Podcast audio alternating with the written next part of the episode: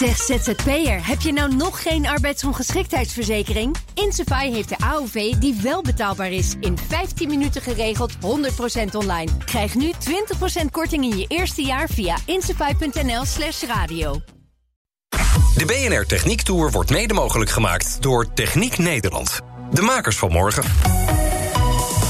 BNR Nieuwsradio. De Techniek Tour. Carlijn Meinders. Wat is een slimme stad? Is dat een leefomgeving vol sensoren? Of is het een slimmere manier van leven? En ligt het verstand van een smart city in het hart van de metropool of juist in het buitengebied? In deze uitzending gaan we op zoek naar de technieken die onze leefomgeving veiliger, gezonder en prettiger moeten maken. Ik begin vandaag in Eersel, waar zowel de burgers als de gemeente de schouders erop neerzetten. Wat doen al die auto's hier nog? CO2 uitstoten. Ja, weg ermee. ik ben Jeroen Wekers en ik ben projectleider van de gemeente Eersel. Nou is Eersel misschien niet de eerste plaats waar mensen aan moeten denken... als we het gaan hebben over slimme steden. Maar dat is een beetje onterecht volgens mij. Ja, dat klopt ja. Want juist hier eh, gebeurt heel veel rondom die slimme stad. Met sensoren, met allerlei nieuwe technieken. Zo'n kleine gemeente is heel slagvaardig. En dan kun je heel snel dit soort nieuwe dingen uh, uitproberen en, uh, en ook gaan gebruiken. Waar werken jullie precies aan mee op het moment? Op dit moment werken we onder andere mee aan het meten van uh, onze luchtkwaliteit en ons geluid. Gewoon om eens te kijken, wij doen altijd vanuit de gemeente alles op basis van berekeningen. En als je dat nou eens gaat meten, wat haal je daar dan nou voor waarde uit? En hoe verhoudt zich dat nu met de dingen die we berekend hebben? Dus gewoon eens wat meer bewustzijn krijgen, wat meer inzicht krijgen in uh, datgene waar onze inwoners aan blootgesteld worden. En wat nou als dat allemaal heel erg tegenvalt? Dan is dat best wel eng. Ja. Maar dan hebben we in ieder geval wel inzicht. En dat is het allerbelangrijkste. Dat moet je wel ook steeds blijven herhalen. Ook bij een, bij een gemeenteraad en ook bij een college van burgemeester en wethouders. Laten we het nou gewoon maar eens even inzichtelijk gaan maken. En dan ervaren we dan wel waar we tegenaan lopen. Ja, dat is wel misschien... Want hoeveel mensen wonen er hier? Er wonen hier 20.000 mensen in deze gemeente. Stel dat al die uh, 20.000 mensen... Uh, zelf metingen gaan doen, erachter komen dat het een beetje tegenvalt en jullie gaan bellen, ben je daar dan klaar voor? Uh, dat denk ik wel. Weet je waarom? Dan hebben we namelijk allemaal hetzelfde informatieniveau. Dan weten we allemaal precies waar we het over hebben. En dan kunnen we dan met elkaar het goede gesprek gaan voeren. In Eersel word ik ook opgewacht door de initiatiefnemer van het meetproject. Hij verbaast zich al lange tijd over hoe weinig zorgen mensen zich lijken te maken over de toch vaak behoorlijk vervuilde lucht die ze inademen. Om dit zichtbaarder te maken gebruikt hij meettechnologie die inmiddels op landelijke en regionale schaal wordt ingezet. Technologie zoals de snuffelfiets, die tijdens het fietsen metingen van de luchtkwaliteit maakt. Mijn naam is Jean-Paul Kloze, ik ben initiatiefnemer van de Stad van Morgen, waar Arias, het project Arias, uit de voort is gekomen. Waar begon dit allemaal voor jouzelf? Ja, bij mijzelf. Hè. De, eerste constatering dat ik natuurlijk als eerste mens ben... voordat ik überhaupt burger ben of functies heb. En als mens heb je bepaalde dingen nodig. Ik wil in een gezonde stad wonen met mijn kinderen. Uh, is dat dan zo moeilijk allemaal? En uh, dan ga je met andere mensen praten, je gaat zelf maatregelen nemen. Ja, dan kom je op een gegeven moment uit dat uh, we het allemaal samen moeten doen, inderdaad. En samen betekent dus ook dat je mensen moet uitnodigen om te zeggen van... ja, Kom op, uh, gezonde stad. En dan kom je vanzelf bij een gemeente terecht, maar je komt ook bij technologie terecht. Je komt bij wetenschap terecht, bij iedereen. En dan heb ik ze allemaal samen aan tafel gezet om uh, een gezonde regio te creëren. En dat... Uh, ja, en tot mijn verrassing uh, doet iedereen eraan mee. Kloze heeft dus allemaal partijen aan het werk gezet... met vaste meetkastjes, kastjes aan fietsen... en zelfs sleutelhangers die van alles kunnen meten. Bewoners van de regio's die meedoen kunnen dus zelf aan de slag in hun achtertuin op een fietsroute of terwijl ze een ommetje maken met de hond. Het verzamelen van deze data is volgens Kloze niet alleen voor de leuk. Het is ook omdat hij tijd vindt dat we zelf verantwoordelijkheid nemen. Als wij de dingen anders gaan doen, dan moet ook de politiek zich aanpassen en ook het bedrijfsleven zich aanpassen. Dat begint allemaal bij onszelf. Uiteindelijk is Nederland een grotere exporteur dan importeur van luchtvervuiling. We moeten toch wel echt spiegelen naar onszelf. Oké, okay, laten we dan even naar de techniek kijken. Ja. Want we staan hier uh, midden in Eersel, naast een kastje. We staan hier midden op de marktplaats bij een kiosk waar normaal de fanfare speelt. En waar we hier ook de kermis hebben en zo. En daar hebben we dus inderdaad langs een paal hebben we een meetkast opgehangen. En die meetkast die meet fijnstof, maar ook geluid. We zitten hier in de schaduw van een vliegveld, vliegveld Eindhoven. Er zijn nogal wat mensen die klagen over overvliegende vliegtuigen.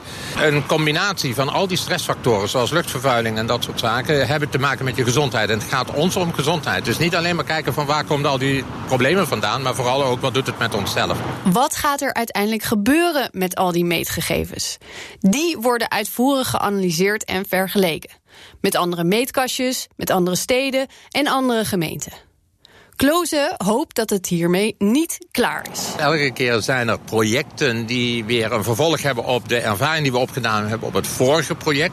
Dat betekent dus ook dat we nu voor de komende vijf jaar bijvoorbeeld een regionale aanpak hebben samen met de 21 gemeentes om te kijken naar de grote opgaven hier en een soort ja, ruggengraatnetwerk te hebben waarin we al die kleinere opgaven aan kunnen verbinden. Uh, dus het loopt allemaal wel door. En waarschijnlijk is het ook zoiets dat uh, we misschien nu een beeld vormen dat sensoren belangrijk worden voor de, de, ontwikkeling van slimme steden. Waarin slimmigheid wordt bepaald door de gezondheidsparameters. Niet alleen maar door de technologie. Slimmigheid wordt bepaald van hoe gaan we om met onszelf als mens. De slimme kastjes, fietsen en sleutelhangers. Ze komen niet allemaal van grote bedrijven. Sommige ervan worden in elkaar gezet door enthousiastelingen. Betrokken mensen die ook vinden dat er iets moet veranderen. Een van die mensen is André van der Wiel. Ook hij is speciaal naar Eersel gekomen, waar hij me in een lekker warm café de binnenkant van een van de kastjes laat zien. In dit voorbeeld zie je een elektriciteitsdoosje waarin de componenten dan uh, ingebouwd worden. Hoeveel sensoren zijn hier nodig in zo'n kastje? Wat in één zo'n kastje zit, dat is een, uh, een fijnstofsensor zit erin en er zit een ik wijs het ook maar even aan, maar dit is de temperatuur, luchtvochtigheid en luchtdruksensor. Zo klein. Zo klein. Dit is echt maar... Nou. Dit is eigenlijk nog het printplaatje wat erop zit. Hè. Dus het sensortje zelf is nog kleiner. Minder dan een centimeter. En het sensortje zelf is iets van een halve centimeter in het vierkant. Dus, uh, en dan hebben we ook nog een uh, buitentemperatuursensor om de buitentemperatuur te meten. Buiten het kastje, omdat binnen het kastje altijd de, de temperatuur wat oploopt, omdat de componenten er zitten. Uh, wat je naast uh, een, de sensor nodig hebt, is natuurlijk een, uh, een, comp een computertje. Iets om de gegevens te verwerken. Die computer die, leest de, de, sensor uit en die verwerkt de gegevens. En dan zit er ook nog iets voor het communiceren met de server. Dus je hebt een verbinding nodig. En in dit geval is dat een wifi-verbinding. Maar soms gaat het ook via een LoRa-verbinding of een GPRS-verbinding... waardoor de gegevens naar de server kunnen verstuurd kunnen worden. Dus dit, dit computerplaatje, dat is ook maar zo klein eigenlijk? Ja. Uh, gewoon een plat plaatje van uh, 2 bij 5 centimeter of zo? Ja, dat is een uh, Raspberry Pi. Dat, een heleboel mensen zullen dat wel weten wat het is. Ja, daar dan, kun je van alles van maken, toch? En daar kun je van alles van maken. Nou, is dit allemaal, uh, je zei het al, best wel uh, goedkoop te houden eigenlijk? Ja. Is dat dan qua kwaliteit goed genoeg? Nou, de kwaliteit is uh, niet zoals je dat van een RIVM of een overheidsorganisatie verwacht. Die hebben natuurlijk duurdere apparatuur die ze door het land hebben staan. maar het voordeel van dit soort apparatuur is dat ze ja, wel die mindere betrouwbaarheid qua kwaliteit van de gegevens maar door de, het, de hoeveelheid, de aantal sensoren die je door het land kan plaatsen. Dus de burgers die zelf in de achtertuin meten. Dus dat maakt het heel simpel, heel makkelijk omdat het zo uh, laag, uh, lage kosten zijn. Stel, ik wil uh, dit ook wel meten in mijn achtertuin. Moeten we dan allemaal jou bellen? dat zou ik niet doen. nee, er zijn een heleboel initiatieven ook door het land heen waar je terecht kunt. het Loefdatenverhaal is een bekende naam. Die is oorspronkelijk ontstaan in Stuttgart. Ik denk dat ze inmiddels al op 10.000 sensoren zitten in Duitsland, Nederland en uh, West-Europa eigenlijk. Er zijn ook in Nederland uh, projecten gaande die mensen bij elkaar brengt. Een soort community vormen om dit soort apparaatjes immer, samen te stellen, te bouwen.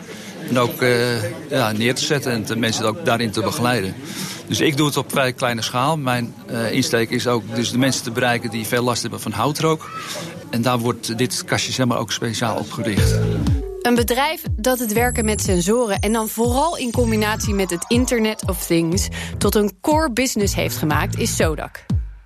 Ik reis af naar Hilversum, waar ze net alles hebben verhuisd naar een nieuw pand en waar ik word opgewacht door directeur Jan Willem Smeek. Hoe staat het er volgens hem voor met de slimme stad? Nou, er zit natuurlijk een hele stap tussen bedenken dat je iets slim wilt maken... en daadwerkelijk een apparaat maken die dat ook uh, daadwerkelijk doet. Dus we zien dat uh, met name overheden heel erg zoekende zijn... van wat kunnen we met het Internet of Things? Nou, dan worden daarvoor allerlei pilotprojecten gedaan. Maar een, een, een echte grootscheepse uitrol, waarbij je zegt... we, we gaan nu uh, ergens duizenden, tienduizenden, honderdduizenden units van uitzetten... dat, dat, dat is er nog niet zo ver. En dat, dat is natuurlijk wel jammer, want bedrijven als de onze zitten natuurlijk te popelen om dit soort oplossingen te maken. Kun je dan, voordat we het over de dingen hebben die wel werken, een voorbeeld geven van iets wat leuk geprobeerd is, maar wat uiteindelijk niet opleverde wat we eruit wilden halen? Nou, wat je ziet, de, de, als men het over de, de slimme stad heeft, dan is het eerste voorbeeld wat al naar boven komt drijven, is de slimme prullenbak. Nou, de slimme prullenbak. Uh, daarvan denkt men dat is een prullenbak die in de openbare ruimte staat, die, waar we een sensortje in stoppen van hoe vol is die zodat we het, het moment dat die prullenbak leeggehaald kan worden, dat we dat kunnen gaan sturen. Dus dat is vanuit de techniek gedreven uh, een oplossing voor een probleem. Waarvan je kunt afvragen of dat probleem in werkelijkheid bestaat. Want uh, die vraagstelling die komt vaak van techneuten of mensen die bezig zijn met... jongens, we willen iets doen met Internet of Things. Maar op het moment dat je dan daadwerkelijk gaat praten met de gemeentereiniging... Ja, die zeggen dan van ja, nee, maar we hebben een vaste route waarop we die prullenbakken leeghalen. Dus we kunnen er wel een sensor in stoppen, maar dat verandert aan het systeem helemaal niets. Of de vraag of het antwoord wat je krijgt is ja, maar oké, dan is er een prullenbak die misschien uh, niet zo heel erg snel volloopt. Maar we kunnen niet een uh, prullenbak ergens vijf weken laten staan, want dan gaat hij enorm stinken. Dus dat leeghaalmoment is misschien ook helemaal niet gekoppeld aan hoe vol is die. Dus je ziet, om dus een, een oplossing ergens voor te maken... moet je dus eerst heel goed gaan definiëren... wat is nou eigenlijk mijn probleem? En dat probleem is denk ik in veel gevallen niet een, uh, het, het slim maken van een prullenbak. Het kan slimmer dus. En met dat idee zijn ze bij Sodak aan de slag gegaan. Hier maken ze de hardware voor het Internet of Things. De computerboards die ze hiervoor maken waarop weer sensoren gezet kunnen worden, zijn op een heel belangrijk vlak beter dan vele andere. Wij maken oplossingen die of op een heel klein batterijtje het heel lang doen, denk aan een jaar of misschien wel tien jaar, of die helemaal geen batterij nodig hebben omdat we dingen doen met, met zonnepaneeltjes. Ons streven is altijd geweest om een duurzaam Internet of Things te maken. En ja, de, de, er, is, er is niet zo duurzaam als het, eh, als het gebruik van, van zonnepanelen om jouw apparaten mee te poweren. Nou, um, de boards die wij maken zijn daarvoor ontworpen dat ze het kunnen doen op een zonnepaneel. En dan vaak uh, niet eens in het uh, rechtstreekse zonlicht. Vaak is het diffuse licht wat we buiten hebben. Of zelfs het, uh, het licht wat je binnen hebt van, van, van de lampen om je heen. Voldoende om apparaten te maken die slim genoeg zijn om informatie te verzamelen. En die informatie vervolgens naar het internet te sturen. Wat hebben jullie al gemaakt dat gewoon nu al wordt gebruikt? We doen heel veel in de track and trace. Dus het opsporen van allerlei zaken. En dan, dan zijn wij het meest succesvol in het track and trace van dieren. Dus we hebben heel veel oplossingen gemaakt waarbij een boer bijvoorbeeld kan vinden waar zijn koe is. Dat is in Nederland niet zo spannend, want die boerderijen zijn niet zo groot. Maar dat doen we vooral op de, de, de markten in Australië, uh, Brazilië, dat soort plekken. Dat zorgen wij voor. Daar kun je je koe nog kwijtraken? Ja. Nou, verder doen we heel veel dingen met sensoriek. Dat is bijvoorbeeld uh, het project uh, Snuffelfiets. Is uh, ook voor jullie geen onbekende. Um, en wij, wij doen ook een project waarbij we waterkwaliteit meten. Die Snuffelfiets komt dus gewoon uit Hilversum. Je luistert nog steeds naar de Techniek Tour. Het meten van waterkwaliteit, daar wil ik ook meer over weten. We lopen even naar boven, waar in een aquarium een paar voorbeelden van de sensoren hangen. Ah, is dat real-time? Dat is real-time. Dus wat, wat, je ziet, het scherm hier, dat, uh, dat springt steeds tussen verschillende oplossingen die we gemaakt hebben. Op dit moment staat hij op uh, het snuffelfietsscherm. En dit is de huidige situatie in de provincie Utrecht. Er wordt best wel veel gefietst vandaag. Ja, we, we hebben ruim 600 van die, uh, van die kastjes in de lucht. En ja, als je er een, een stuk of 50, 60 op elk moment van de dag fietsend hebt... dan krijg je wel best een hele goede invulling van het, van het plaatje. En blauw is in dit geval frisse lucht... En rood is, daar, dan wil je niet naar buiten? Nee, rood is, uh, is fijnstof, hoge fijnstofconcentratie. En uh, blauw is dat er heel weinig fijnstof in de lucht zit. Het ziet er best goed uit. Het ziet er nu heel goed uit. Als je bijvoorbeeld Oudejaarsdag keek, of Nieuwjaarsdag... dan was het hele plaatje was, uh, was rood. Wat, een, wat ook heel veel impact geeft, is in de open haard. Dus op het moment dat iedereen denkt... Hmm, we doen lekker de open haard aan... Nou, dan, dan wordt het hele plaatje in één keer rood. Maar ook uh, extern dat er bijvoorbeeld vanuit het buitenland... een, een fijnstofwolk over het land heen gaat. Hoe meet de sensor precies of er fijnstof in de lucht zit? Ja, zo'n fijnstofsensor dat is eigenlijk een uh, kleine laserstraal die door een hoeveelheid lucht heen gaat. En die laserstraal die wordt afgeketst op die hele kleine fijnstofdeeltjes. En de, de sensor die telt eigenlijk het aantal deeltjes wat er zich in zijn pad bevindt. En hoe zit het met ultrafijnstof? Want dat kan daar nog niet mee, denk ik, hè? Nee, die, die sensoren voor ultrafijnstof die zijn eigenlijk uh, zo kostbaar... dat dat zal nooit een consumentenoplossing worden. Het aquarium. Ja, het aquarium staat hier. Het er zitten vissen in. Hij doet het echt. Er zitten vissen in. Hij doet het echt. Maar we gebruiken het aquarium uh, vooral om onze waterkwaliteitssensoren te testen. En wat je, wat je hier ziet is over de dag gemeten. Het plaatje is eigenlijk uh, tamelijk vlak. Maar zou ik uh, nu iets vervuilends in het aquarium gooien? En dat doen we natuurlijk niet, want er zitten levende vissen nee, in. Nee, dat zou heel zielig zijn. Maar dan, dan zie je dat er opeens een enorme piek zich voordoet. En die, die piekendetectie, dat gebruiken we dus met deze sensoren... om illegaal lozen van, van vuil water op sporen. Het is een project wat we in eerste instantie gedaan hebben voor de landelijke politie. We hebben op, op uh, tientallen plekken hebben we die uh, sensoren hangen. De landelijke politie wil daarmee illegale lozingen van drugslaboratoria opsporen.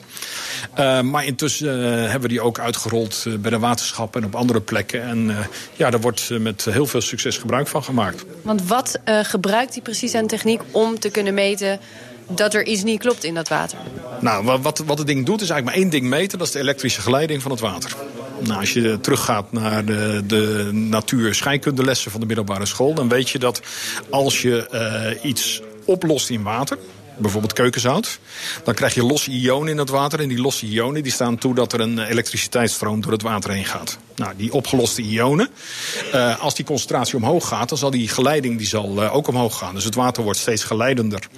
En, en juist die elektrische geleiding, die meten we. En dat is dus een maatstaf voor vervuiling in de breedste zin van het water. En als dat zich opeens voordoet, dan, dan betekent dat dat er opeens iets heeft plaatsgevonden.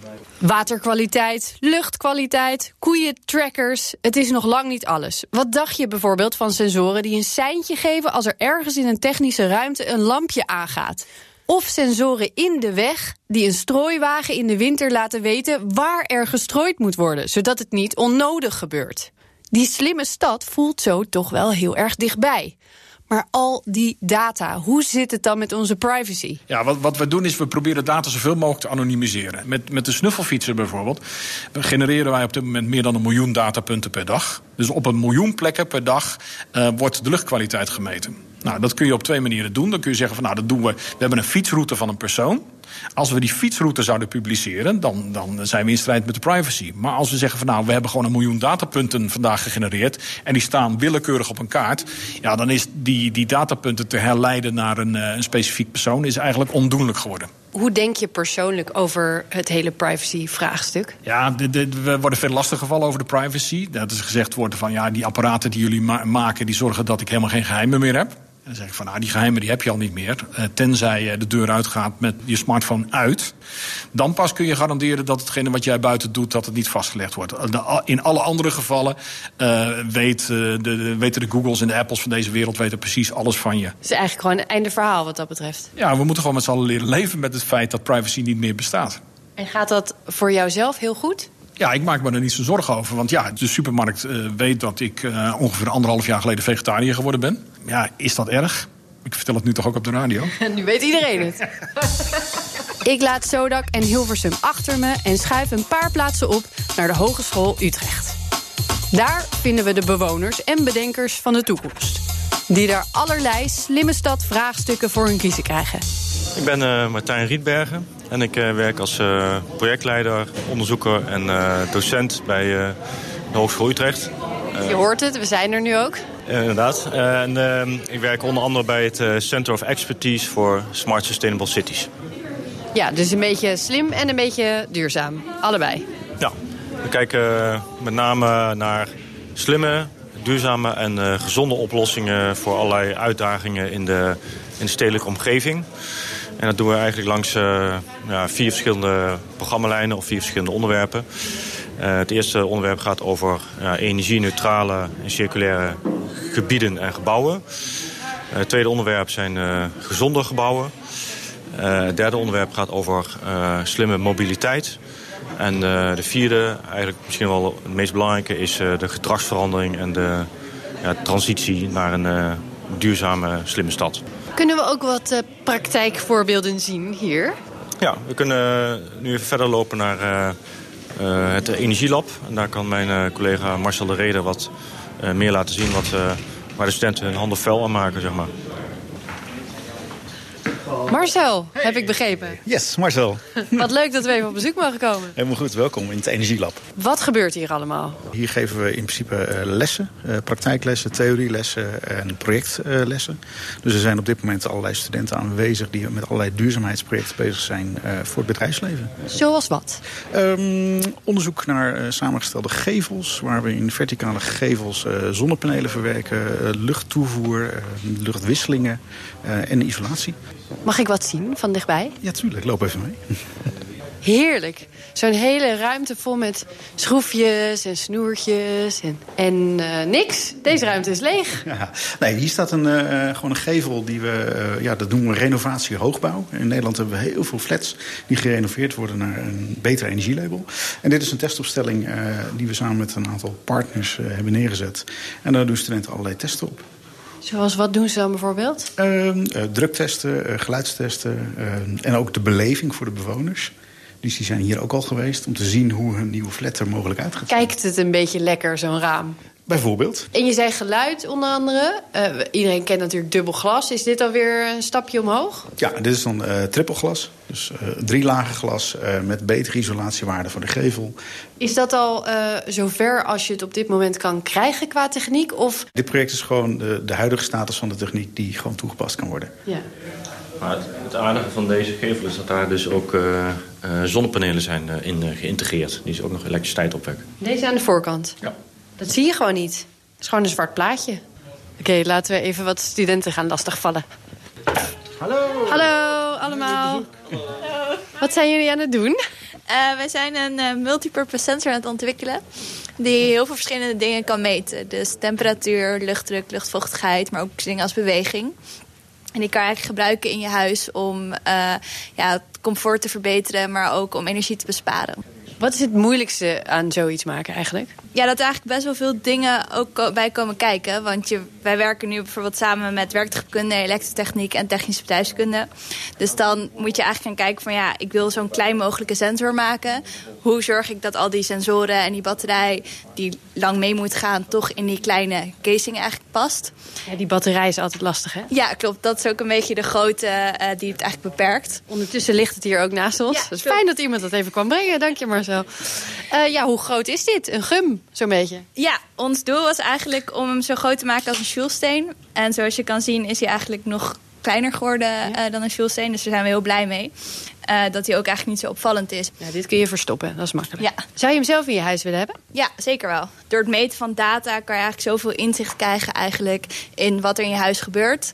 En daarmee ook ja, actief ervoor zorgen dat je ja, je fijner kan leven, maar ook inderdaad heel veel energie kan besparen. En ook omdat ja, in 2050 eigenlijk alle huizen uh, CO2-neutraal, dat we niks meer willen uitstoten eigenlijk. Daarbij kan het eigenlijk ook helpen om dat te gaan bereiken. Succes! Ja, dankjewel. Waar lig jij nou zelf van wakker? Want er, er zijn hier allemaal projecten bezig. Sommige vind je misschien zelf wat interessanter. Sommige willen maar niet lukken misschien. Is er eentje waarvan je denkt... oh, als ik daar nou toch een oplossing voor zou kunnen bedenken? Of een vraagstuk waar jullie nog niet mee bezig zijn? Uh, ja, we zijn net een nieuw project gestart. Uh, groepje studenten werktuigbouwkunde, elektrotechniek, uh, technisch bedrijfskunde. Hopelijk schuiven daar ook de bouwkundestudenten nog bij. dus een soort challenge die we voor HBO Nederland willen opzetten... is vormvrije warmteopslag. Vormvrij? Dus dat kan alles zijn? Helemaal goed. Uh, warmte van de zon bijvoorbeeld of van een verwarmingssysteem kan je in een vat opslaan met water. Uh, maar ja, daar heb je in Nederland heel weinig plek voor. De meeste huizen zijn daar niet geschikt voor. Maar we hebben wel knieschotten, schuren, uh, tuinen. Wat is een knieschot? bij je zolder, bij je schuin dak. Is de, de loze ruimte bij, waar je ah. tegenaan stoot. Ja. Waar je dan je, je koffers onder slaat. Dus kan je daar niet een opslag van maken. Je kruipruimte, misschien je gevel, misschien je muren, tuinhekken. Paaltjes. Verzin het. En daarmee komen we aan het einde van deze uitzending. Volgende week wordt het spannend. Dan gaan we het hebben over forensisch onderzoek. Tot die tijd vind je alle afleveringen van de Techniek Tour online en in de app. De BNR Techniek Tour wordt mede mogelijk gemaakt door OTIP Binnenkort Wijtechniek. Zeg ZZP'er, heb je nou nog geen arbeidsongeschiktheidsverzekering? Insafai heeft de AOV die wel betaalbaar is. In 15 minuten geregeld, 100% online. Krijg nu 20% korting in je eerste jaar via insafai.nl slash radio.